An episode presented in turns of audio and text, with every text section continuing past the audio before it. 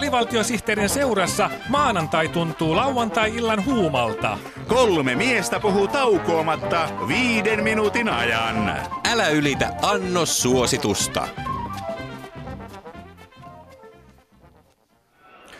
Voi vinkura, vänkyrä, vonkura. No mikä sua nyt noin harmittaa? Sekö, että näin yöpakkasen aikaan päiväksi pitää vaihtaa kesärenkaat ja yöksi talvirenkaat? Vai sekö, että kilpailukykysopimus alkaa yhä enemmän vaikuttaa kilpailukyykkysopimukselta, kun työnantajat ja hallitus kilpailevat siitä, kuka kyykyttää työntekijää eniten? Ei kun Espoon liigakiekkoilun nykytila mua harmittaa, mm. kun Blues meni konkurssiin. No harmin paikkahan se on, mutta konkurssihan siitä tulee, jos siniviivan alle jää liian vähän rahaa. On se nyt kumma, ettei Suomen toiseksi suurimmassa kaupungissa saada jääkiekkojoukkuetta pysymään pystyssä, Näin on. vaikka kaiken maailman kaupungin osa joukkue Töölössä ja Pasilassa pystyy siihen.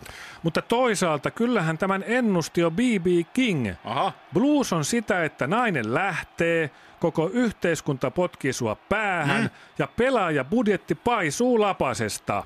I woke up this morning and my hockey team had gun. Just. Niin. Näin se on. Kun kaikki kuuntelee nykyään Spotifyta ja ties mitä, niin antiikkisilla blues-kiekoilla ei ole enää tulevaisuutta nykyisyydestä puhumattakaan. Näin on. Mutta jos minä olisin Suomen kaikki liigaseurat, niin, niin lähtisin kimpassa pelastamaan Esboon Bluesia. No minkä ihmeen takia pitäisi laittaa rahaa pohjattomaan kaivoon? Niin, jos makkaran miljonäärikään ei saanut bluesia pysymään pystyssä, niin miten siihen pystyisivät maakuntien miehet?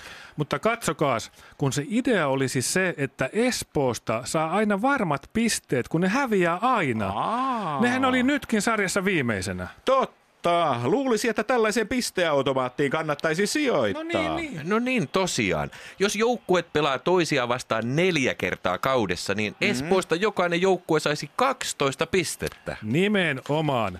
Ja kun joukkueita on 16, Niin. niin Espoosta saa 192 pistettä.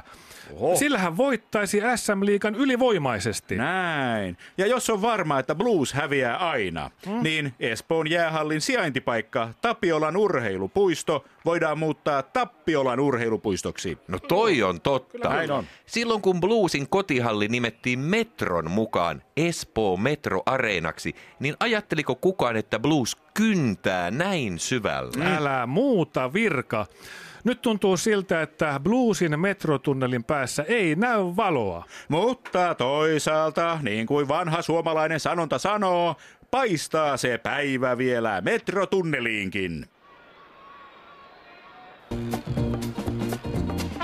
Huomio, huomio! Huomio, huomio! Huomio, huomio! Hyvät kuulijat, tämä on kuulutus, jossa sanotaan huomio, huomio. Jos kuulette kuulutuksen, jossa sanotaan huomio, huomio, niin älkää kiinnittäkö siihen huomiota. Kyseessä on vain kuulutus, jossa sanotaan huomio, huomio.